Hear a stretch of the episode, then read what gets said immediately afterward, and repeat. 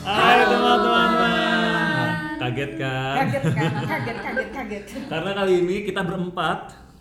Kalau episode sebelumnya yang tentang ekspor itu hanya bertiga. Hanya bertiga. Lalu ada penampakan datang, yaitu saya Ed Samuel Amarta, Kak Sam. Kak Yes. Lalu di sini ada Dewi Meisari at UKM Indonesia ID atau at Dewi Meisari. lalu ada tamu kita yang dari jauh, yaitu dari Amerika. Wow. Hai, saya Ira Damayanti dari Houston, Amerika. Wow. Lalu ada silakan Bang Iram. Iya, saya Irham, Bang panggil Bang Irham dari agregator ekspor UKM IKM Kemenko Perekonomian. Iya. Waduh. Nah, tunggu teman-teman. Teman-teman jangan langsung jiper ngedenger tadi ya, "Ih, dari ini agregator apa gitu segala macam ya. Jangan jangan. Kita bukan predator. kita bukan predator. Kita di sini mau bahas lagi tentang ekspor. Nah, istilah-istilah yang tadi itulah yang akan kita bahas nanti ya, Bang Irham ya. Iya. Nah, sa- saat ini kalau kemarin udah ngomongin tentang apa aja, Mbak Dewi? Kemarin kita itu selalu kalau di cerita usaha we always want to start with why. The why. Nah, the why. Jadi kemarin itu kita udah bahas apa aja kenapa sih kita mesti ekspor gitu kan. Hmm. Selain ekspor, what? Gimana? Apa aja selera pasarnya, terus kemudian kita sebagai UKM dalam negeri itu perlu nyiapin apa aja perbaikan-perbaikan apa aja. Dan salah satu yang sangat di highlight adalah bersiap-siap untuk standarisasi ya Yes. teman-teman. Itu yang perlu di highlight. Nah sekarang kita akan ngomongin hal yang lebih dalam lagi. Lebih dalam lagi. Yang lebih dalam lagi. Yaitu gini nih, ilustrasinya gini. Kalau kita mau perang, Uh-uh. kita harus kenali dulu medan perang ya bener kan? Yes. Nah dan kalau kita perang, biasanya itu nggak hanya kita aja, pasti ada musuhnya, ada kompetitornya, bener ya? Ya. Lalu ada juga kalau perang tuh butuh apa sih? Senjata dong. Senjata. Berarti ada pemasok senjatanya ya dan sebagainya. Ini kok ilustrasinya perang ya? Iya, Agak gak enak ya. Tapi itu paling gampang. Iya. Nah begitu juga kalau teman-teman mau naik kelas Iya. UKM-nya ke level ekspor. Wah ya kita harus kenali dulu di lingkungan kita komunitas eh ekosistem ya istilah kerennya. Ekosistem, Ekosistem untuk kita bisa ekspor produk kita dengan baik itu ada apa aja sih? Nah dua narasumber kita kali ini akan kupas tuntas apa saja pihak-pihak yang teman-teman harus kenali. Karena kita percaya bahwa sendirian kita melawan semua kompetisi, kita mau naik kelas susah. Susah atau nggak mungkin Bang Iram? Kalau sendirian. Itu pertanyaan susah atau nggak mungkin dua-dua negatif itu. Iya. Sebenarnya susah atau tidak susah gitu. Oh, Iya. Nah, Kalau jawabannya sendirian. tidak susah. Kalau sendirian. Kalau sendirian. Pertanyaannya soalnya kalau sendirian. Kalau sendirian namanya perang sendirian gimana ceritanya? tidak mungkin, Ah, kan? mungkin. Tidak mungkin kan? Amunisinya harus lebih gede. Nah, Amunisinya gede. semua jadi harus punya dia. Oh, Nah, benar-benar. Rimbu Iya dong. kan? Iya, iya. Rimbu, semua siap dia. jadi kan siap. memang tidak bisa sendiri Ya, kan? biasanya hanya di film. Nah, biasanya hanya Oke, di- ka- oleh karena itu teman-teman, superhero. Oleh karena itu teman-teman hari ini topik yang kita bahas adalah ekosistem supaya UKM kita, usaha kita, terutama yang produk ya, itu bisa jual ke luar negeri Nah. alias ekspor. Oke, langsung aja kita tanya mau siapa duluan, Bang Irham atau Mbak Ira? Bang Irham dulu deh. Bang. Irham dulu. Bang Irham, coba tolong diperkenalkan ke teman-teman pendengar siapa aja yang harus kita kenali. Ya. Eh, kalau kita orientasi kita pertama kemarin eh, pembicaraan yang lalu kan sudah kita bilang ada mindset ya. Pertama mindset tuh mau ekspor tuh harus niat. Nah, ketika niat udah ada, kita harus kenali dulu tadi seperti eh, Kak Sam bilang bahwa eh, ini Medannya medannya medan perangnya gimana kan gitu. Para UKM jangan berkecil hati kalau seandainya memang mau ekspor, loh produk saya udah siap apa ekspor atau gimana? Balik lagi terkait dengan masalah niatnya. Eh, untuk ekspor itu ada beberapa hal. Kalau medan perangnya kita lihat siapa sih pemain ataupun ekosistem tadi ya. Nah, ekosistemnya itu pertama ya sudah pasti adalah pelaku ekspornya. Nah, pelaku ekspor itu adalah UKM IKM itu sendiri. Nah, pelaku namanya sebagai pelaku usaha. Nah, pelaku ini ada beberapa hal di Indonesia, ada dua ya, ada dua kriteria. Pertama yang mereka adalah melakukan ekspor sendiri.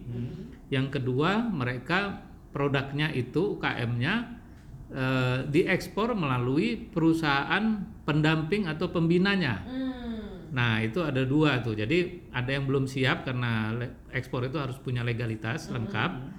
Nah makanya UKM-nya harus istilahnya gendong dulu nih kan gitu, ikut dulu bonceng gitu. Oh, oke. Membonceng dulu, Nebeng ya? nebeng, nebeng Oh, dulu oke. atas nama, atas nama, under name bahasa ekspornya. kan teman-teman dicatat dulu ya supaya nggak bingung nanti kalau ngobrol. Iya. Under name.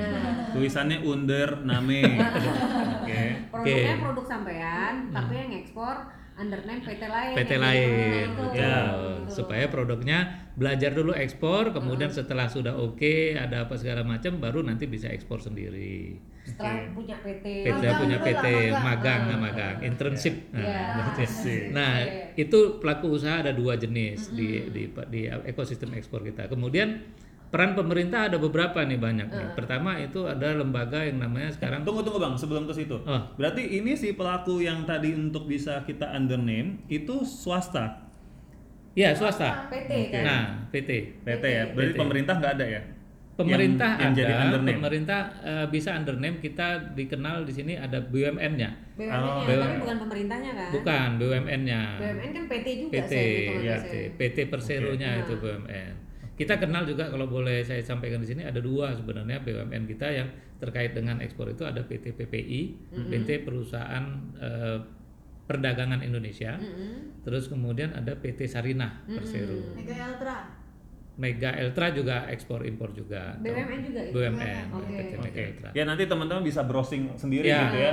Googling Apa aja sih, gitu. PT under apa googlingnya kira-kira under name. Nah, nah, Oh, enggak. langsung Kalau itu BUMN. Itu BUMN. Oh gitu. Nah, kalau kita mau googling Kalau under name itu bisa itu lebih ke perkenalan karena kan kita Oh. pakai PT orang kan kita harus saling percaya. Oh, Tetap harus I see. dating. Harus trust. Tetap harus dating Iya. sama ini Oh. Kan? Jadi Harus tidak ada tahu. perusahaan yang kemudian eh, ibaratnya Mengumumkan dirinya. mengumumkan dirinya sebagai Saya perusahaan under name name gitu. gitu nggak ada ya? Nanti Oh. khususnya kalau mau cari agak-agak buta kita itu ke perusahaan shipment forwarder. Hmm. Biasanya Oke. ditawarin, nah udah ada PT-nya belum? Nah kita cari-cari tanya-tanya eh, harga-harga shipment misalnya. Bisa dikasih oke deh pakai PT under name aja bisa. Nah itu bisa misalnya kita Oke. eh, kencan buta lah. Nah, Oke. blind date, blind date. Blind date, nah itu bisa tuh dipilih di perusahaan shipment tuh menyediakan PT-PT untuk under name. Oke, Oke, Bang. berarti kalau mau googling shipmentnya, forwardernya dulu, Oke, terus nah nanti. berarti kita coba jelasin dulu itu aja yuk. Nah ya, kita balik lagi. Coba jelasin forwarder dulu deh bang, mumpung tadi biar nggak lompat ya. Nah, biar Oh, iya. sebelum ke government. Ya, sebelum ke government. Jadi forwarder ini adalah perusahaan yang kemudian eh, dia fungsinya adalah sebagai jasa pengiriman atau lebih kepada eh, perusahaan logistik. Nah, perusahaan logistik ini ada yang eh, via udara dan ada yang via laut kan gitu. Jadi eh, ada apa namanya air eh, air freight, air freight dan ada yang sea freight kan gitu. Nah, kalau air freight itu tentu adalah pesawat-pesawat kargo yang eh, pesawat eh, sipil yang bisa membawa kargo. Terus kemudian yang laut ya biasa itu melalui kontainer-kontainer melalui laut kan gitu dengan barang-barang yang banyak. Guys, ini gosennya. Ya. Ini gosennya. Nama istilah kerennya kalau ekspor jangan, bang saya mau tahu dong ekspor gosennya gimana gitu, nggak gitu. Bilangnya forwardernya Nah. gimana be? Jadi ada beda antara gosennya itu tadi kan beda ya sama forwarder karena kalau bos gosennya itu itu biasanya ada yang pakai DHL, kemudian ada yang pakai TNT, J- UPS apa segala macam. Mereka bukan forwarder. Mereka bukan forwarder. Mereka bukan forwarder. Salah, salah paham jadi. Nah, karena mereka itu lebih kepada jasa titipan. Nah, sementara kalau forwarder mereka adalah perusahaan yang memang untuk melakukan shipment atau pengiriman barang dalam konteks eh, ekspor, punya armada dan berkaitan dengan bea cukai. Oke, pertanyaan saya, kalau kita udah deal sama forwarder, kita Hmm. perlu semacam yang perusahaan titipan tadi nggak kayak DHL gitu? Oh, tidak lagi. Oh, Tidak lagi. Jadi ibaratnya begini, kalau di dalam ekspor, forwarder ini bentuknya eh, katakanlah misalnya barangnya tidak hanya satu pieces. Kalau yang tadi disebut dengan HL itu dia bisa satu pieces, dua pieces. Hmm. Tapi kalau sampel lah, ya, ukuran sampel untuk Iya. ngirim-ngirim sampel kepada buyer, kita bisa menggunakan eh, DHL tadi. Iya. Tapi kalau untuk ekspor itu sudah pasti dengan volume. Oke. Nah, ketika bicara volume, kalau kita pakai DHL. DHL begitu, wah luar biasa tuh. Misalnya ada 1000 piece kali misalnya 50.000 ribu sekali kirim, nah 50.000 ribu kali seribu kan gitu kan nyampe negara tujuan nah sampai negara tujuan kalau di luar itu kan nah bisa ada yang lima ratus maaf ribu kan para gitu. karyawan DHL yang sedang mendengarkan ini, kami tidak bermaksud apa-apa. tapi Maaf, memang fungsinya begitu ya ini kebetulan yang disebut mereknya DHL tanpa maksud oh apa-apa. ya PT Pos Ya, atau itu PT kan. Pos juga. Mas. logistik. Ya. Oke, Jadi- lanjut bang. Nah, di forwarder ini sendiri itu memiliki kerjasama dengan eh, bea cukai ya, terutama. Oke itu letak bedanya lagi. Letak bedanya karena Dia yang ngurusin bang. dia yang ngurusin. Karena nanti di pelabuhan udara ataupun di pelabuhan laut bagaimana menghandling eh, produk ataupun barang masuk ke kontainer dari kontainer kemudian masuk ke kapal atau dari kontainer masuk ke pesawat itu yang ngurusin tuh forwardernya. Oke. Nah, sampai me- kemudian mereka administrasi atau surat menyuratnya itu. Jadi dari dokumen-dokumen ekspor, dokumen-dokumen bea cukainya, terus kemudian ada satu lagi yang harus paling dipahamin itu yang disebut dengan kita itu ada bukunya itu eh aduh, saya jadi lupa. HS code. Nah, jadi Nah, sistem harmonized system code itu berlaku untuk seluruh dunia. Jadi ibaratnya kayak kopi itu ada HS code-nya eh, 00 berapa gitu ya. Yang kemudian itu di negara tujuan ekspor juga sama. Nah, HS code ini harus dimiliki atau di- masuk dalam packing list. Kalau dia tidak memiliki HS code, maka nggak akan lolos dari bea cukai. Forwarder pun nggak bisa ngirim. atau HS code-nya beda Atau HS code-nya di sini di Indonesia terus beda di tempat negara tujuan Itu ekspornya. siapa yang ngurus tuh? HS code itu itu ada di bea cukai. Di bea cukai. Di Tapi bea si cukai. forwarder bisa bantu memastikan. kan? Yes. Nah, itu ekspertisnya forwarder ya, Iya, tapi udah. UKM harus memahami. iya Oh, Nah, kadang forwarder bisa nyari, terkadang forwarder bisa bisa juga keliru. keliru ya. Karena Kan konten, ya, forwarder. bukan konten, Ah, karena konten, produk. konten Nah, konten produk itu ternyata ketika di sampai di sana, oh ini misalnya kita nggak uh, ngirim uh, furniture gitu ya. Furniture. Nah, furniturnya itu rupanya ada list atau bisnya itu pakai logam. hmm. Nah, maka ketika masuk ke sana ke bea cukai, bea cukai mana nih bea cukai kita di Indonesia, Indonesia. eh, ternyata di packing listnya eh, HS code-nya cuma kayu, Hmm, logamnya nggak ada, Iya. maka nggak bisa lolos. I see. Nah, harus lengkap, batas HS code-nya ternyata ada logamnya. Oke. teman-teman HS code ini nih sebenarnya eh, harmonize sistem system itu sebuah kode yang meng mengkategorikan produk rinci banget ya. Ya. Berapa digit nih Bang HS code lupa saya ya. Lima. 11. Bukan enggak, yang lima KBLI kok nggak salah. Bukan, HS code HB, HS code yang utama itu 5, Heeh. cuman nanti Bisa dirinci turunannya lagi. dirinci lagi Sampai- bisa sampai 9, Bisa sampai 10, 9, sampai 10 11 gitu. Nah, sampai 11 digit. Jadi antara kopi arabica, kopi, Kopi robusta, bubuk, kopi bubuk, kopi bubuk, kopi kemasan. kopi kemasan kopi itu kodenya green beda bean semua. atau apa gitu beda mungkin kalau kopi cuma lima habis itu kopi ini kopi itu itu wow detail detail lagi makin makin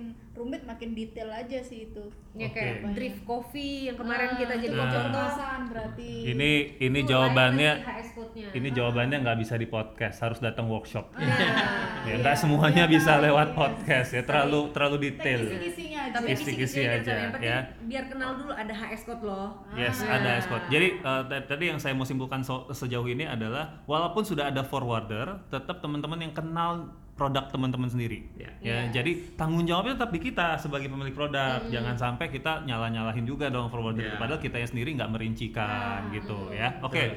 Oke, tadi kita udah bahas ada si pelaku usaha itu, lalu ada, Ada dua, ada dua ya pelaku usaha, yaitu ada yang kita punya produk, kita langsung ke buyer di sana, lalu ada juga yang uh, kita nebeng nama istilah kerennya under name. Yang ketiga tadi kita udah bahas pelak- uh, ekosistem yang ketiga adalah Forwarder. forwarder.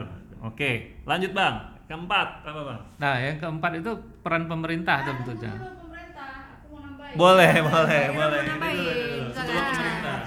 Jadi kan tadi kan udah disebutkan satu lagi yang yang mungkin kalau undername itu kan cuma vehicle-nya aja dipakai. Ada lagi fungsi yang mungkin teman-teman lupa yaitu trader.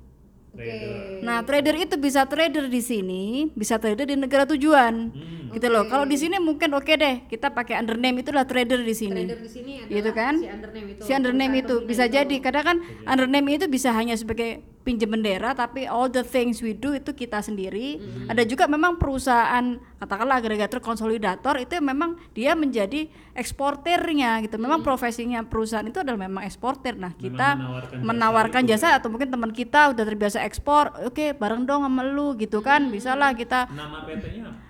Eh, ini ah, banyak sih Nama- sebenarnya. maksud, maksud saya Jenisnya. nanti akhirnya pakai PT-nya dia. Pakai PT-nya dia. Jadi ini bukan undername ya, beda lagi. ya? Bukan, jadi pakai PT-nya dia cuma kita tinggal ya ada MOU di apa atau PKS atau itu di balik itu intinya kesepakatannya gimana, bagi-baginya gimana, rugi untung ruginya juga dibahas internal, tapi itu kita pakai perusahaan trader tadi.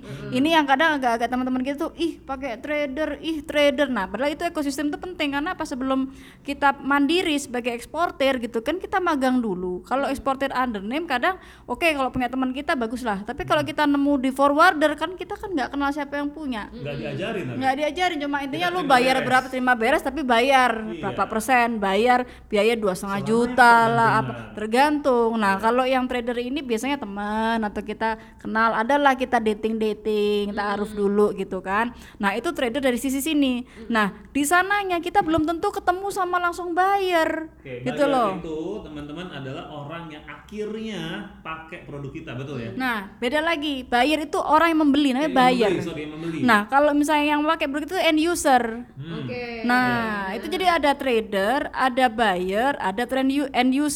Oke. Gitu kan. Nah, kadang orang suka salah mengerti betapa apa trader itu yang sebutannya calo, makelar, agency. Nah, itu yang kadang-kadang teman, ah dia cuma calo, ah dia cuma agency, ah dia cuma makelar. Nah, makelar itu bahasa dari mana sih? Dari Belanda. Makelar, agency bahasa Inggrisnya. gitu cuma orang kita tuh suka agak-agak anti gitu ya. gitu loh karena apa kita nggak bisa katakanlah kita mau ekspor ke Starbucks emang Starbucks dia langsung apa yang handle Hmm. produk kita? Siapa yang ngurusin uh, paperworksnya kurasi barang segala macam? Ya si trader ini yang orang under apa sih uh, disuruh atau intinya uh, di outsource oleh Starbucks untuk ngurusin produk-produk kita. Saya bisa bilang nggak bahwa si trader ini memberikan nilai tambah beru- berupa satu network, betul ya? Jadi trader ini dia nilai tambahnya adalah dia tahu nih harus ke mana siapa tadi uh, potential buyernya atau gitu memang ya. official official buyer ah, official company yang ditunjuk oleh buyer misalnya kita mau nih sama Starbucks misalnya oke kita ketemu lah sama petinggi Starbucks misalnya tapi Starbucksnya nggak mau get deal langsung oke deh lu hubungin perusahaan ini untuk urusin yang paperworksnya urusin ekspor apa semuanya produknya atau apanya misalnya Uh, begitu Termasuk mengevaluasi juga dia bisa Iya, sustain review atau- iya. Jadi uh, biasanya yang datang ke Indonesia itu untuk melihat itu tradernya. Hmm. Gitu kan? Trader yang merupakan perpanjangan tangan dari buyer, Buyer. iya. Gitu. Nah di situlah kadang memang orang oh, eh, mungkin belum diedukasi atau tersosialisasi dengan baik fungsinya si agency ini tadi. Ya kayak kita artis aja ada agensinya ya pok. Masa artisnya sendiri yang tekan tanda tangan? Kan enggak. Gitu loh. Ya enggak sih? Promotornya ada ya. promotornya. Nah itulah fungsinya trader di luar negeri. Jadi jangan berkecil hati ketika ada teman kita atau kita dapat orang beli yang memang dia trader bukan langsung dari buyer. Dalam bukan buyer ya perusahaan misalnya. Itu dia ya saya name aku saya name mungkin Starbucks atau mungkin supermarket di Amerika atau di Eropa kan macam-macam gitu kan. Tapi kan ada fungsinya diaspora ini seperti aku ini biasanya di tradernya. Kenapa? Kami yang tahu pasar di luar kebutuhannya apa speknya apa detailnya apa. Kami lain datang ke Indonesia untuk memilih produk. Jadi oke. trader ini kayak konsultan juga konsultan dong. juga dan distributor. Dan distributor. jadi kita akan Berarti tahu oh putus dong. enggak juga tergantung. Tergantung Tergantung akad tergantung Tergantung akad juga.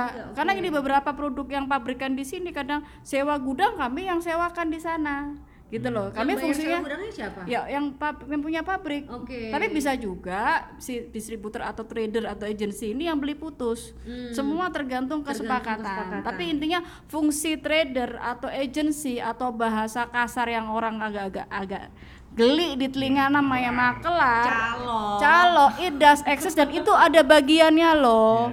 Gitu itu ada haknya. Jadi jangan anti deh sama yang daripada nggak dapat nggak dibeli sama sekali dapat masih syukur-syukur dapat trader dapat agency. Justru kalau artis kita kan seneng dapat agent ya nggak sih? Nah kalau di perdagangan juga ada ya agency itulah yang menjadi jalan tengah ketemu sama buyer karena dialah yang akan akan lebih teliti oh paperworksnya udah siap produknya udah sesuai kapasitas spek apa segala macam. Itu fungsinya si orang perusahaan perpanjangan tangan atau trader-trader seperti yang diaspora biasanya di trader itu banyak. Gitu. Biasanya mereka datang kalau ada acara pameran trade expo atau apa mereka datang untuk pilih-pilih produk Indonesia yang bagus termasuk juga produk UKM mereka develop bareng ayo kita eksporkan. Itu biasa sama trader. Nah, nanti di Amerika atau di Eropa atau di Australia atau di mana aja nanti yang akan menchannelingkan dengan supermarket di sana retail cafe restoran segala macam ya Oke. jadi perannya tuh justru sentral loh itu. Tanpa ada trader ini ya udah si- silahkan aja datang sendiri ke Eropa, datang sendiri ke ke Amerika, nyarilah sendiri di antara belantara Tiketnya perdagangan. Yo, Tiket, hotel. Iya, belum lagi kalau nggak nemu apa-apa, iya. Terus pas ke sana, pas ke sana salah tempat, nggak tahu pergi ke mana. Capek deh nyasar. Nah, nyasar eh taunya berhari-hari Ya, di tapi mana gitu. tentunya memang harus yang dipercaya. Ya. Makanya datang ke komunitasnya, Ya, ikut workshop makanya gitu-gitu. datang ke kita- Kok gue kita. jualan workshop mulu padahal belum tentu ada workshop ya. Belum tentu ada jualan. Ah, jangan jangan sedih. Tapi- ada ya, tapi- ada. Aku mau analogiin nambah analogi aja nih soal agency ya karena setelah saya ke sini lama hampir 10 tahun juga eh, ngurusin UKM memang ada pekerjaan-pekerjaan tertentu tuh emang solusinya harus agency. Yes. Jadi contohnya begini, eh, contohnya begini ya, dari sisi bayarnya nih, saya ada mitranya UKM Indonesia nih investor. Hmm. Mereka nih investor pengennya kan di pencairan, Hmm. ya kan fokus di pencairan dan macam-macam dan macam-macam evaluasi eh, prospektus dan lain-lain. Mau kurasi talent scouting tuh nggak sempet. Iya.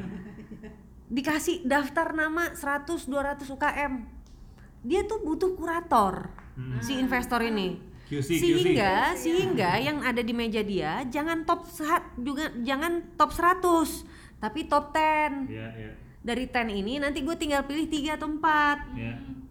gitu loh nah dari sisi UKM-nya pun gitu ya, kalau dia langsung ke investor dari dia ngejelasin visi misi perusahaan dia ngejelasin produk keunggulan produknya atau kadang-kadang sesederhana bales email. Hmm.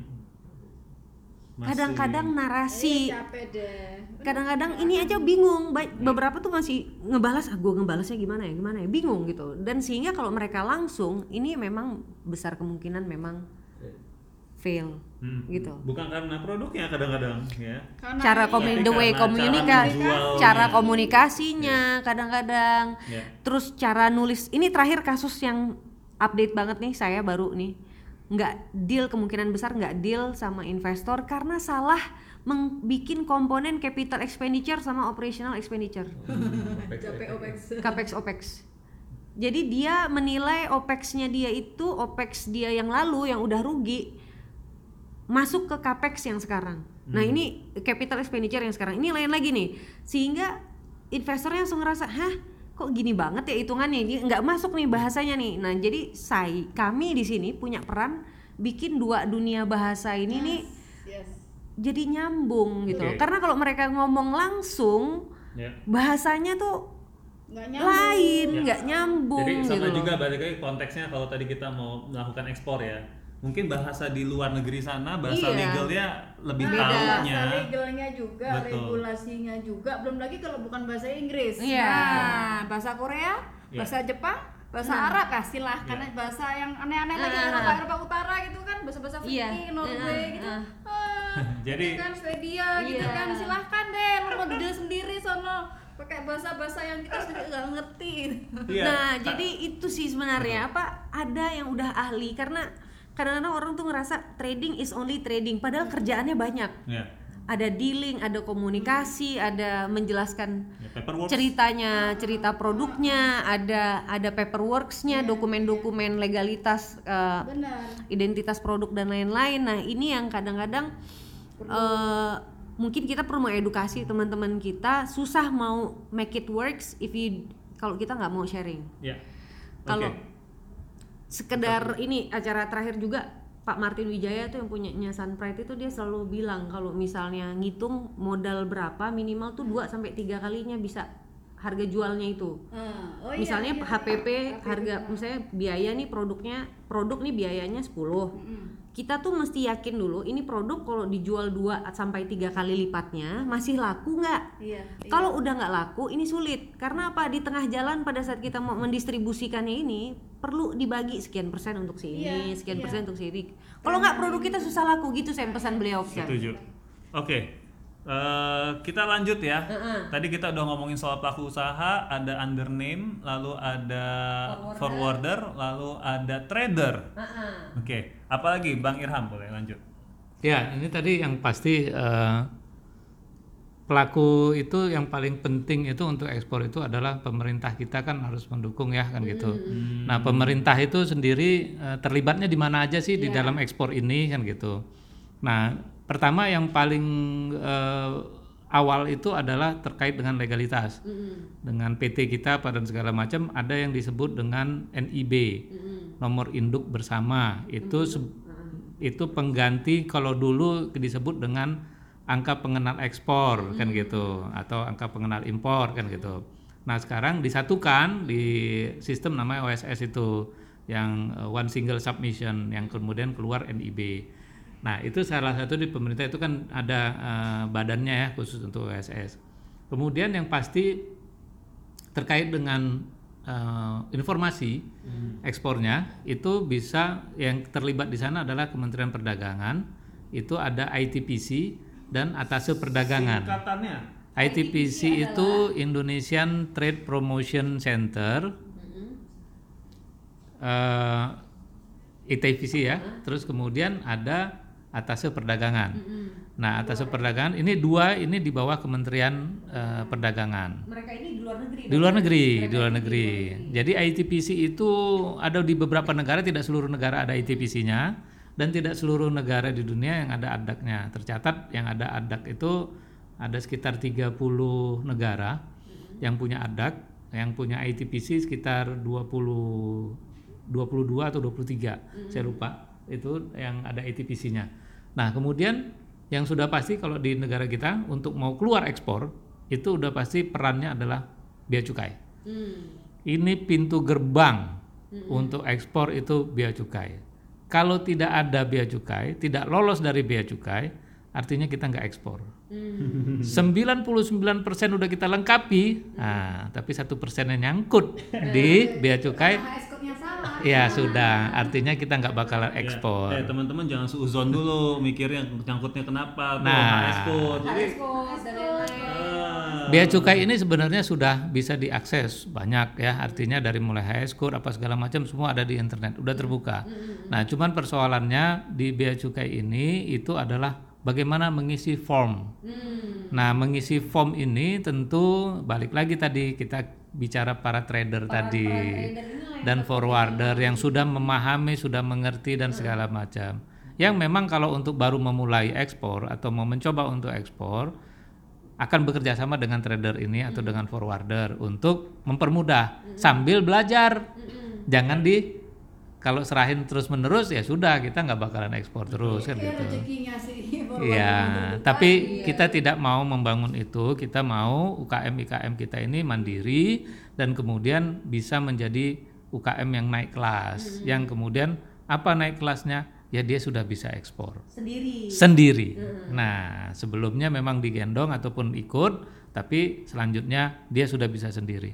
Bayangkan kalau seandainya kita bisa melakukan ekspor sendiri, kita sudah bisa berkomunikasi, bisa apa? Wah, tentunya yang disebut dengan ibaratnya kita mau merajai dunia kan gitu ibaratnya Indonesia ini produknya sudah pasti bisa merajai dunia karena seluruh sumber bahan baku ada di sini. ada di Indonesia.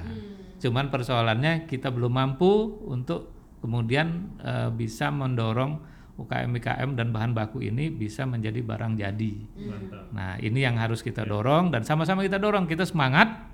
UKM-UKM juga harus tetap semangat. Ya kak ya Mbak Dewi kan gitu ini kita dorong bener di cerita usaha ini ayo jangan takut Ya. Prinsipnya dalam gini, kalau kita udah bisa mandiri, kita lebih bisa independen dan kita bisa bantu gendong yang lain. Ya, itu dia sebenarnya.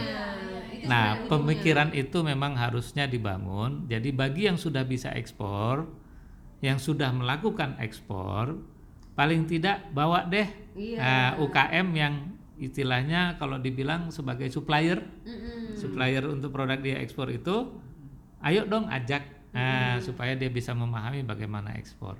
Yang Oke. ibaratnya dulu digendong, Ah. terus mandiri, Sekarang mau juga dong ngegendong yang lain gitu ya. Kan begitu ya. indah banget ya kalau itu kejadian ya. Tapi Oke. susah namanya. Nah, Berikutnya ekosistem lainnya Ada nih. lagi nggak yang mau dibahas? Siapa yang Ya. mau ngejelasin bank nih? Bank Ya, atau ini- asuransi? Iya. Tadi pertama yang jelas kalau kita ekspor itu transaksi udah pasti akan menggunakan perbankan. Tidak ada yang bayar cash gitu loh. Pakai tas Pakai tas. Bawa. Tidak, tidak. Jadi kalau prinsip prin- yang bener lah ya. prinsip ekspor itu adalah sama dengan prinsip bank adalah kehati-hatian, ada prudennya. Nah, konsep eh, transaksi harus melalui perbankan dengan beberapa pola dan eh, sistem pembayaran. Nah, Eh tunggu tuh, ini bukan rekening khusus perusahaan, bukan rekening perusahaan aja. Iya rekening perusahaan aja, rekening ada perusahaan gitu, nggak ada, nggak ada. Nah cuman ekspor itu ada yang menggunakan istilahnya nih ya, ada istilah, ada eh, karena berbeda negara apa segala macam, tentu tukar mata uangnya, kursnya harus dihitung. Nah kemudian eh, terkait dengan masalah eh, apa sistem pembayaran, sistem pembayaran itu ada yang namanya eh, singkatannya TITI. Nah, Telegraphic transfer. telegraphic transfer. beli Nah, terus kemudian ada LC, letter, of letter credit. of credit, yang gitu. Nah, yang paling eh, nyaman kalau bagi eksportir itu adalah dengan TT. Tapi kalau eh, importir dia pakai LC kan gitu. Tapi yang paling gampang sebenarnya LC itu bisa dilakukan apabila banknya itu sudah bekerja sama dengan negara tujuan ekspor tadi. Oh, ini butuh pembahasan khusus kali ya. Bah, ini Tapi- memang harus berhitung Harus banget berhitung. dan kemudian eh, bagaimana sistem pembayaran dan eh, mekanismenya ini memang harus tidak bisa di kita kita bicarakan di sini kan gitu. Tapi Karena aku- ada contoh-contoh. Tapi aku penasaran kayaknya untuk walaupun di podcastnya nggak apa-apa bang. Tadi Hmm. yang kita bicarakan offline itu ada hubungan sama antara TT sama LC dengan eh, deal dengan buyernya itu apakah pengirimannya pakai freight on board atau cost of insurance apa gitu? CIF atau FOB kata kayak kita sempat omongin ini offline mungkin sekarang bisa kita kasih tahu ke teman-teman pendengar Itu eh, beda. Jadi kalau yang FI eh, FOB dan CIF itu adalah eh, tata cara dalam Tata cara pengiriman kan pengiriman. Eh, tapi kalau pembayaran itu TT atau LC kan gitu. Eh, dua hal berbeda. Jadi CIF bisa pakai TT juga. Oh, tetap bisa, ya. bisa, eh, FOB juga pakai TT juga bisa. Eh, jadi itu mekanisme pembayaran tergantung dari dealnya dengan buyers kan Oke, gitu. berarti saya salah ya teman-teman. Saya pikir tadi kalau FOB pasti pakai titi. Hmm. Kalau CIF eh, artinya pengiriman sampai ke pelabuhan di luar negeri pasti pakai LC. Tadi saya Oh. berpikir ternyata itu pemahaman yang salah. Jadi dua-duanya bisa tergantung deal masing-masing. Oke. Hmm. Sip. Lanjut Good. Bang. Thank you. So- asuransi bang, asuransi. Ya. Kemudian dalam mengekspor itu yang paling penting itu kalau seandainya it- eh, kita dalam hal ini untuk kita mengekspor langsung ya ke negara tujuan ekspor atau bayarnya minta bahwa dia baru bayar eh, terkait dengan eh, barang produknya itu langsung CIF istilahnya di tempat dia sana udah nyampe di gudangnya atau di pelabuhan dia baru dia mau bayar maka kita akan memerlukan asuransi. Hmm. Nah, asuransi ini luar biasa. Asuransi ini sebenarnya menjaga eh, apa ya? Kalau dibilang trust. Jadi Satu sama lain. satu sama lain. Kita juga mengasuransikan itu supaya jangan Eh tunggu bang, apa yang diasuransikan sebenarnya? Barangnya, produk Barangnya, pengirimannya, barangnya, ah, barang pengiriman pengirimannya. yang rusak, Jadi asuransi ekspor. Hmm. Nah, saya menyebut di sini di Indonesia cuma satu asuransi ekspor. Perusahaan itu Perusahaan satu dan itu BUMN. Hmm. Jadi kalau perusahaan asuransi swasta mungkin dari luar banyaknya, tapi kalau yang punya Indonesia di Indonesia ada BUMN namanya PT ACI, Asuransi Ekspor Indonesia. Nah PT ACI ini eh, dia khusus memang untuk ekspor dan luar biasanya mereka juga punya agent, agensi ataupun punya mata-mata un- networkingnya untuk mengetahui si buyer. Jadi kita akan aman kalau kita menggunakan asuransi karena asuransi tidak mau dong dia da- kena klaim. Nah, sehingga dia harus me- men- melihat memeriksa si buyer dari mulai keuangannya, perusahaannya ada di mana, seberapa bona, bonafit dia, fiktif atau enggak apa segala macam. Nah, ket- ketika kita menggunakan asuransi, maka kita aman. Oke. Ketika dia lolos asuransi berarti itu buyer benar kan gitu. Oke. Nah, itu salah satu uh, apa uh, ya. ekosistem kita di dalam ekspor. Oke. Jadi teman-teman kalau diperhatikan setiap bagian dari ekosistem ini punya nilai tambahnya masing-masing. Ya tadi teman-teman udah belajar. Jadi kita juga nggak bisa mengecilkan uh, setiap bagian dari ini.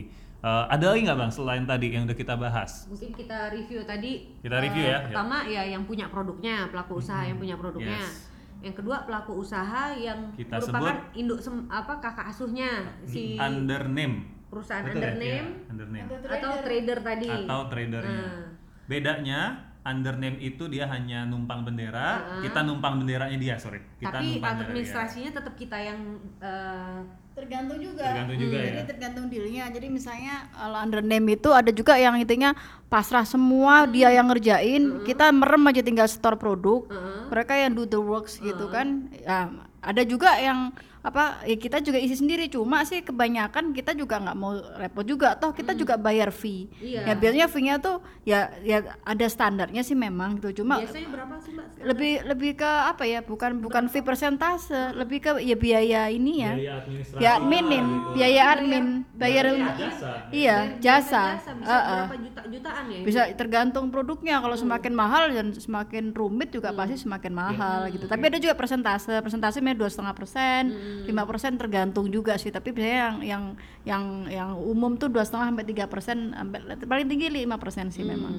Gitu tergantung juga. Nah itu juga mempermudah gitu kan. Nah ya paling yang yang, yang trader sama under name ini yang kita belum Nah, paham beda trader, beda iya. nilai tambahnya. Sebenarnya sih ya itu tadi kalau under name itu benar-benar perusahaan profesional. Bukan aku sih nggak bilang trader nggak profesional, cuma trader ya under name itu biasanya ada di forwarder itu dia menawarkan mau under name, misalnya nggak punya eksportirnya, oh oke, jadi kita tinggal merem aja, oke bayar jasa under name-nya sekian sekian, ya udah kita tanggung jawabnya di forwardernya juga ikut bertanggung jawab, Oke. gitu kan? Karena dia rekanannya forwarder biasanya begitu, Kalau gitu kan? trader, Coba tambahin dikit Kalau beda trader? antara forward apa tadi under name dan sama trader, sama trader. sampai istilahnya harus beda. Jadi under name itu lebih kepada ini ya, contoh aja ya. Saya punya kopi kan gitu, tapi saya belum punya eh, nah, serti- eh, bukan sertifikasi tapi lebih kepada katakanlah karena kopi itu eh, dimasuk di dalam eh, produk yang dibatasi ekspornya. Nah, ada lartas larangan terbatasnya. Nah, di situ disebut dengan ekspor kopi itu harus didaftarkan lagi perusahaannya untuk khusus ekspor kopi. Hmm, Jadi tidak semua eksportir itu punya eh, bisa mengekspor semuanya. Kopi itu harus didaftarkan lagi karena ada kuota. Jadi kuota dia dalam satu tahun misalnya 200 ton atau dua, eh, 250 ton. Nah itu harus dipenuhi. Kalau dia nggak memenuhi 200 ton itu per tahun, misalnya ini ya, itu nanti eh, lisensinya dicabut. Dia tidak boleh ekspor kopi lagi. Maka karena saya baru mengekspor dalam tahun ini katakan ah cuma 100 ton kan gitu apa segala macam. Dan saya belum punya lisensi untuk ekspor kopi. Maka saya cari perusahaan yang sudah punya lisensi ekspor kopi. Nah saya under name perusahaan ekspor kopi tadi. Ya jadi karena dia udah punya lisensinya saya nggak ngusur ngur- sambil ngurus ibaratnya. Nah saya pakai dia dulu deh kan gitu untuk ekspor kopi. Sama-sama bantu dong ya. sama-sama. Dia memenuhi kuotanya. Saya Nggak perlu. nggak perlu license. pakai license ngurus license kan gitu nah itu salah satu yang disebut dengan under name bisa juga misalnya oh saya mau ekspor ke sini ke satu negara misalnya jahe kan gitu ya Eh, karena kita belum punya PT masih CV yang belum dapat NIB tadi apa segala macam dia udah punya kan gitu kan dan dia punya pasar di sana Nah, saya undername dia aja deh kan gitu. Saya masuk aja melalui dia, ini produk saya melalui dia. Itu undername. Kalau trader dia bisa menjadi segala sesuatunya. Dia bisa menjadi bahkan trader ini juga sampai eh, mencari pasar kan gitu ya. Bisa juga nyariin undername ya. Bisa nyariin Karena kan undername-nya. misalkan tradernya nggak punya license kopi, Betul. ya kan? Nah, dia cari kopi, gitu kopi. kan. Nah, Cari, jadi gitu. perusahaan ini ataupun pemainnya ini trader si trader ini atau forwarder memahami kan gitu. Ini oh di sini nih ada orangnya, di sini ada eh, pemainnya, ada apa segala macam. Jadi bisa saja dia sebagai pelaku ekspor dan dia juga sebagai UKM juga. Si tradernya ini fungsinya bisa juga sebagai trader. Karena oh ada permintaan dari luar, dia punya kemampuan untuk bisa mengirim tapi dia nggak punya barang. Makanya dia cari UKM. Ah ke mana-mana gitu. Ini nih oh ini gua sini bayar saya beli. Barang beli. Atau yuk mau nggak di gua jualin ke sana tapi nanti bayarnya ya setelah dibeli apa segala macam ini kita kerjasama. Nah itu dua dua hal. Jadi eh, jelas kelihatannya bahwa yang satu yang the undername itu fungsinya adalah untuk kita mengirimkan produk kita di bawah nama dia atau pinjam bendera. Nah, sementara kalau trader itu lebih kepada agensi, dia bisa fungsinya sebagai UKM juga, bisa juga sebagai buyer. Ya. Dua hal dia bisa lakukan. Yang pasti si trader ini aset paling penting yang dia punya adalah informasi pasar. Nah iya. Betul. Networkingnya. Ya, network jaringan Network pasarnya. Sementara kalau undername ini aset utamanya yang memberi manfaat ke kita adalah legalitas, Legalitas. dia, dia Legalitasnya. punya. License. kan ya. itu deh pointernya itu deh. Itu Iya. pointers pembedanya berarti itu Iya, ya. Satu legalitas Iya, satu ya. itu teman-teman. Ya. Nah, Iya, jadi iya. saya rasa mungkin teman-teman udah bisa menangkap apa itu trader dan apa itu Iya. undername kan gitu Iya, ya. jadi udah bisa Nah, nangkap. jadi eh, disimpulkan lagi bahwa yang undername itu adalah sebagai legalitas untuk bisa mengirim. Sementara kalau trader itu adalah kemampuan dia untuk informasi menembus pasar dan memenuhi kebutuhan pasar. Oke. Ada lagi pihak lain yang harus kita Yang jelas kenali? tadi udah shipment udah ya, artinya Firman udah. Nah, ada. Nah, yang udah. udah. Nah, intinya yang paling utama ya bayarnya. Iya. Oh iya, Ya, terakhir nih, terakhir. terakhir paling ujung Terakhir. Paling ujung. Paling ujung. Paling Nah. penting paling ujung saya. Pertanyaan saya simpel. Buyer itu siapa sih? Nah, oke. Kalau kita bicara buyer, buyer ini sebenarnya tadi satu trader bisa jadi buyer. Nah, itu salah satu. Nah, kemudian buyer ini bisa ditemukan ataupun bisa kita cari informasinya itu adalah eh, apa ya kalau bilang perusahaan-perusahaan yang memerlukan barang-barang dari kita, produk kita, eh, produk Indonesia itu pembeli langsung itu disebut dengan buyer. Tapi buyer ada juga yang bukan pembeli langsung atau sebagai eh, trader. kan gitu. Nah, tapi di, di sana. di sana kan gitu di luar negeri di NTE. Nah, trader di sana juga ada juga yang disebut dengan agency. Nah, itu juga buyer.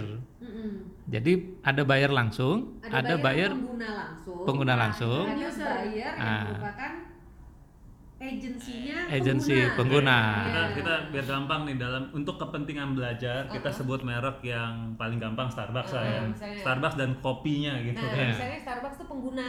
Oke. aset penggunanya. Buyer bisa bisa aja bayarnya Starbucks betul ya. Langsung nih buyer oh, kalau Starbucks ya kalau mau ada gitu kan bisa aja, tapi kenyataannya enggak ya. Enggak. Jadi Jadi gimana? Eh, kalau kita tadi kita ambil contoh misalnya Starbucks gitu ya, Starbucks untuk produk kopi. Di Nah, Amerika. di Amerika kan gitu ya. Nah, Starbucks sendiri itu sebenarnya bukan perusahaan yang kemudian mengekspor kopi, Mengimpor. eh, mengimpor kopi kan gitu. Dia cuma brand kan gitu ya. Dia yang jualan kopi di jualan kopi di cafe shopnya. Dia nggak nggak nggak mengimpor kopi. Oh. Nah, yang bukan trading.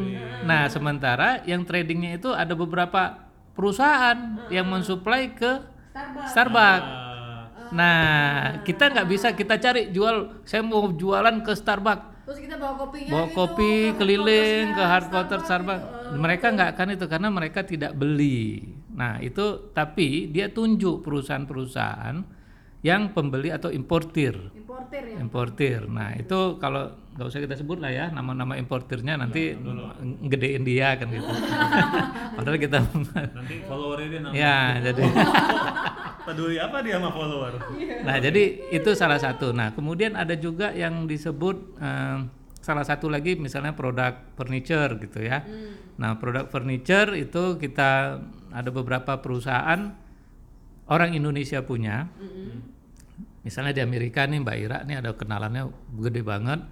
Ada Pak kita sebut adalah namanya diaspora kita di sana itu yang dia sudah em, apa istilahnya di dipercaya oleh pemerintah Amerika untuk mengisi ke Pentagon, ke White House, ke apa eh, hotel-hotel bintang 5 apa dan segala macam high class itu mereka untuk furniture dari kayunya itu dari dia. Karena dia punya workshop di sana, kerjanya di sana, ngerjainnya di sana, dia cuma bahan baku dari sini. Ibarat jadi setengah jadi, setengah jadi lah bahan baku. Jadi berat kursi dia potongin kakinya dulu, kakinya yang semua yang diekspor sana. Papan papan. Nah, papan semua ini apa segala macam. Nah, itu perusahaan-perusahaan itu disebut bisa juga sebagai buyer kan gitu. Tapi ada juga memang buyer itu ya dia mencari, nah, ada searching. Nah, tapi paling gampang untuk ekspor itu pertama langkah ini ini nanti kita coba buka lagi langkah ya. Langkah pertama untuk untuk ekspor itu adalah ikut dulu yang namanya eh, pameran dagang. Hmm. Nah, di pameran dagang itu yang disebut dengan buyer tadi tuh muncul semua tuh.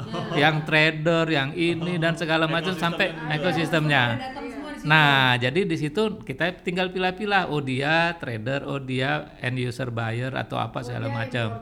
Oh dia importer aja, itu dia apa segala macam. Nah, di situlah UKM belajar untuk kemudian bisa memahami pasar ekspor. Siapa itu buyer? Nah, buyer itu juga kemudian se- secara personal kan gitu nanti berhubungan dengan eh, orang-orangnya gitu dan komunikasi tadi by email kemudian bisa dengan eh, kontak dagang langsung seperti apa atau ada perwakilan-perwakilan dagangnya yang ada di Indonesia.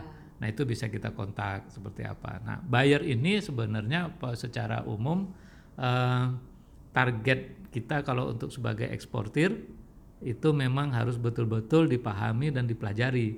Ibaratnya harus tak kenal maka tak sayang dan jangan sampai kita udah banyak nih Mungkin teman-teman banyak yang cerita ya, banyak cerita, oh udah ditipu sama bayarnya, dibawa lari, nggak bayar begitu ini, apa segala macam, sampai di sana di reject apa segala macam. Nah, di situlah pentingnya mengenali para buyer tadi dan pentingnya untuk belajar terkait dengan ekspor karena tidak mudah juga. Satu lagi, Bang. Pentingnya kita bersosialisasi, attach apa ya, eh, tergabung dengan komunitas, yang tepat. Ya, komunitas-komunitas ekspor ini udah banyak sih sebenarnya. Eh, kalau di kita aja komunitas ekspor itu udah hampir 10 kali ya kita Apa bangun. bang boleh disebut nggak? Eh, jadi gini, salah satu aja ya, salah satu, salah satunya kemarin tuh kan kita di Indonesia ini ada namanya eh, fr- eh, apa?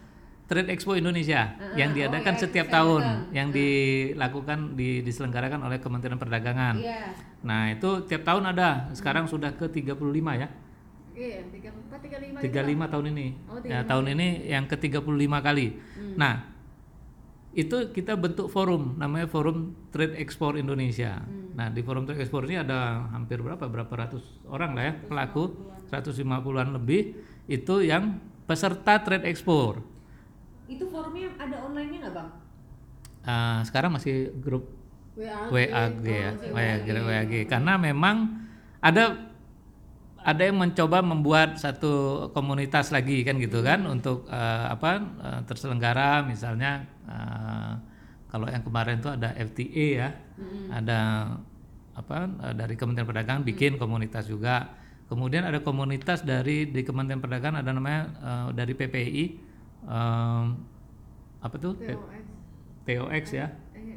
Ya kayak amin gitu. Ya, artinya para pelaku ekspor itu yang kemudian berlatih di Departemen Perdagangan, istilahnya ada kelasnya di sana. Nah, lulusan dari situ ataupun alumninya jebolannya itu juga bikin lagi, bikin lagi alumni itu, ada komunitasnya juga itu juga. Jadi banyak sih kan gitu ya. Oke. Oke, kayaknya kita udah cukup banyak nih saya sendiri karena sebagai orang awam Jadi eh, banyak masalah ekspor gitu ya. Maka tadi kita juga banyak nanya dan bagi saya ini sudah lumayan panas Iya, otak saya. Jadi kayaknya saya harus kita harus sudahi dulu episode ini iya, betul. supaya teman-teman belajarnya lebih efektif ya. Ya. Gitu supaya lebih efektif. Jangan lupa denger juga episode yang sebelumnya. Ya, episode Ya, sebelumnya. episode sebelumnya. why ekspor. Kenapa harus ekspor dan eh, langkah pertama yang harus disiapkan apa ya? Itu standarisasi lah. Itu kisi-kisinya. Ya. Aku mau seperti biasa standar kita mengakhiri episode itu dengan wrapping up gitu Ya. ya. Jadi siapa sih yang perlu kita kenali kalau kita mau belajar menjadi eksportir? Yang pertama produk kita sendiri dulu. Produk sendiri. produk kita sendiri Betul. kenali dulu.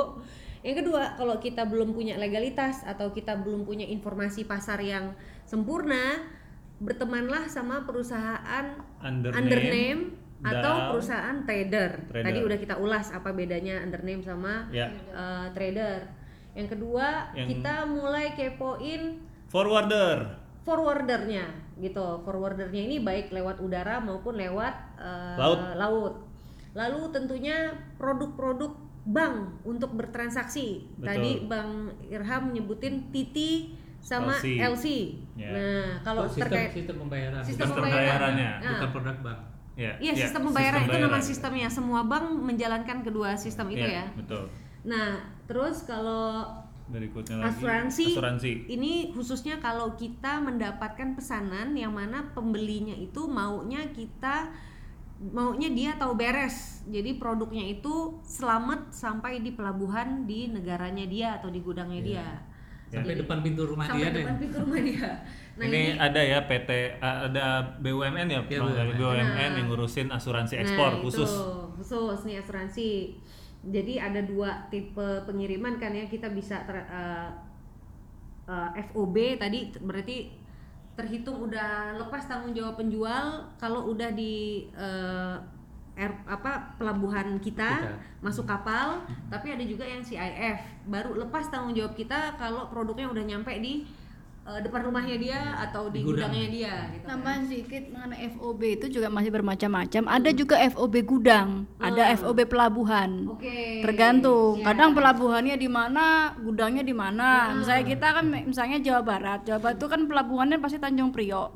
Gitu kan. Sedangkan dia mungkin di Tasikmalaya. Nah, tergantung bayarnya dia FOB mana dia belinya. FOB gudang di Tasik misalnya atau ya udah dari Tasik harus ke pelabuhan ada biaya lagi namanya biaya tracking. Misalnya kayak gitu. Jadi sebenarnya sih untuk pembayaran nanti kita bisa detailkan Iya. ketika nanti di workshop bisa lebih detail lagi. Cuma sebagai gambaran bahwa apa sih, uh, penghantaran itu juga masih masih berbagai macam lagi sih. Incoterm itu istilahnya. Cuma kita yang paling populer aja biar Iya. nggak pusing gitu Iya, kan. Ya FOB itu FOB kapal itu berarti yang beres lah setelah masuk pelabuhan. Tapi kalau FOB gudang ya tanggung jawab si buyer itu siapa tahu dia collecting juga siapa tahu dia konsolidator produk juga. Jadi ngambil di Tasik ngambil di Garut ngambil di mana bisa jadi begitu. Bisa jadi. gitu. Mantap. Dan terakhir eh kedua terakhir adalah pemerintah. pemerintah. Ada bea cukai, ada OSS untuk kita dapetin nomor induk berusaha. Eh induk yaitu Iya. sama dan itu kalau bisa OSS yang- berkontaklah sama ITPC atas perdagangan. Ya sama diaspora dong. Iya pastinya diaspora, jangan lupa. diaspora jangan lupa Diaspora apa sih? Mungkin ada yang belum tahu. Ya. ya Ya, Singkat. diaspora itu adalah eh, apa ya warga bukan warga warga juga penduduk Indonesia perantau perantau perantau dari Indonesia diaspora Indonesia Indonesia diaspora berarti ya perantau Indonesia yang sedang bermukim di luar negeri gitu kan. Jadi entah itu sudah jadi warga negara di luar ataukah masih WNI tapi masih darahnya dan masih berkepentingan dengan Indonesia itu yang memang benar-benar kita apa ya sinergikan lah. Karena apa? Diaspora itu yang bisa me- menyampaikan trennya apa sih terus regulasi. Karena hidup di sana. Gitu loh. Kadang Nah iya, karena apa? Daily life-nya di situ gitu loh. Nah sayangnya kalau memang pemerintah kan memang ada batas waktu gitu kan, itu yang yang katakanlah sebagai challenging, challenging juga sih ketika tiga tahun berganti tiga tahun berganti. Tapi diaspora itu kan relatif lebih lama. Jadi minimal itu bisa bisa menyambungkan antara katakanlah yang apa yang kalau misalnya pejabat lah yang lama dan yang baru dengan adanya diaspora itu. Karena informasinya itu daily life-nya memang hidup di situ. Katakanlah misalnya kebutuhan di New York apa sih? Atau warna tren apa sih? Regulasinya apa sih? Gitu. Itu juga. Dan satu lagi yang perlu diperhatikan masalah hukum dagang. Hukum dagang kalau dispute pakai hukum dagang mana? Nah itu juga something mungkin between di situ itu yang harus diketahui awareness-nya. teknis sih memang. Cuma memang itu banyak terjadi. Bukan gitu. Bukan isu tapi memang apakah kita perlu lawyer kah atau apa itu something yang Bisa mungkin diaspora jadi. bisa bisa Diaspora bantu bisa Oh itu nilai tambahnya tuh, tambahnya gitu diaspora, ya. jadi jadi eh, ya Kayak masalah regulasi di negara regulasi tujuan di ekspor. negara tujuan ekspor yang kadang mungkin kayak Amerika aja itu kan besar banget gitu meskipun itu negara satu satu pintu dalam arti regulasinya itu sama. Tapi kadang tiap state itu beda-beda loh gitu loh. Apa regulasi di tiap state-nya itu bisa jadi something State itu negara bagian. ya negara maksudnya? bagian. Macam provinsinya kita. Macam provinsinya cuma karena mereka negara federal jadi kan tiap tiap negara bagian itu kadang mempunyai sistem yang beda. Katakanlah kayak tax aja. Kita misalnya jual barang misalnya kita kasih harga. Kita lupa ngasih tax gitu padahal tax itu penting nah tax tiap negara bagian tuh beda kayak misalnya di Amerika itu di Houston cuma 8,25 persen kayak Pajak sini? PPN oh PPN-nya Ya, kan- kan kita harus nambahin di harga kita kan harus di komponen harga kan harus nambahin PPN. Tapi di New York bisa aja 9%. Hmm. Nah, kalau kita salah angka gitu kan. Nah, itu kan juga udah jadi beda lagi margin kita, perhitungan kita. Ya. Karena kita harus nambahin teks juga di dalam harga kita kan. Makanya benar-benar harus detail banget tuh kita mau ke negara Amerika aja Amerika mana Amerika bagian negara bagian mana Oke, siap. Di situlah informasi-informasi. Nah, itulah diaspora yang- diaspora bisa kasih. Ya. Dan gitu. terakhir adalah buyer. Bayar tentunya. Tadi udah dijelasin panjang dan lebar. salah satu caranya untuk mulai mengetahui perawakan bayar seperti apa datanglah ke Trade Expo. Trade Nah, Expo. itu ladang belajar pertama ya Bang Irham ya. di Indonesia. Nah, itu tadi udah kita summary teman-teman. Ya. Eh, kita mau say thank you kepada Mula, eh, Mula Coworking Space ini Karena kita rekamannya di Mula di ya. di Mula. Walaupun ini bukan awal mula kita ya. Iya bukan. Tapi Mula ini eh, beralamat Tapi bisa jadi ini permulaan buat Iya. teman-teman untuk ekspor. Asik. Amin, amin. Karena kata rencananya siapa tahu, siapa tahu Siapa tahu. ada workshop dan atau klinik ekspor di Mula. Di Mula. Iya. ya, Nah, sedang Mula- kita rencanakan. Ya, Mula ini di lantai dasar Citos ya teman-teman. Ya. Jadi di sini ada coworking space, ada tempat bikin event, eh, dan ada studio kecilnya juga. Kita lagi numpang tempat di sini Ya. supaya ketemu Lumayan lah kedap suara ya. lumayan lumayan kedap suara supaya kita bisa produksi podcast ini. Jadi terima kasih Mula. Terima kasih Mula. Lalu juga narasumber kita Narasumber kita sekali lagi Mbak bisa dihubungi di kontak manakah ID atau di IG kita punya Instagram uh, bisa uh, Indonesia Indonesia Diaspora SME Export. Ya. Nah di situ ya, bisa uh, uh, Indonesia Diaspora SME Export bisa DM aja di situ atau email. saya ulang ya Indonesia spasi diaspora spasi S M E spasi ekspor E X P O R T. Ya. Oke. Nah, di situ ada bisa kontak bisa DM boleh? Boleh boleh Ya. dong. Oke, bisa DM. Oke, terima kasih Bang Irham, Mbak juga bisa dikontak lewat Ya, Instagram sama ya. juga ya, Ya, sama sama. juga. Selalu ada Mbak Mbak Ira di sini yang jauh-jauh dari Houston. Houston. Bacanya gimana, Mbak? Saya aja bingung bacanya. Bacanya Houston we have a problem. Ah. Oh, oke. NASA di sana. NASA, bener bener bener. Jadi kalau Apollo pasti kontak-kontak sama Houston. Teman-teman yang mau supply barang-barang NASA mungkin saya mau dong. Oke teman-teman semuanya terima kasih udah, udah mendengarkan selama kurang lebih satu jam ini. Semoga bermanfaat dan akan lebih bermanfaat kalau di follow up dengan ikut pertemuan-pertemuan offline Nah. ya. Jadi stay tune di Instagram yang tadi udah kita sebutkan lalu juga di cerita usaha Dan at cerita usaha dan at UKM Indonesia ID di situlah kita nanti akan publish kalau beneran akan kejadian acara-acara kayak klinik ekspor atau workshop ek- ekspor ya bareng atau acara lainnya yang bisa membantu lainnya. usaha kita naik kelas. Thank you Oke. semuanya. Bye.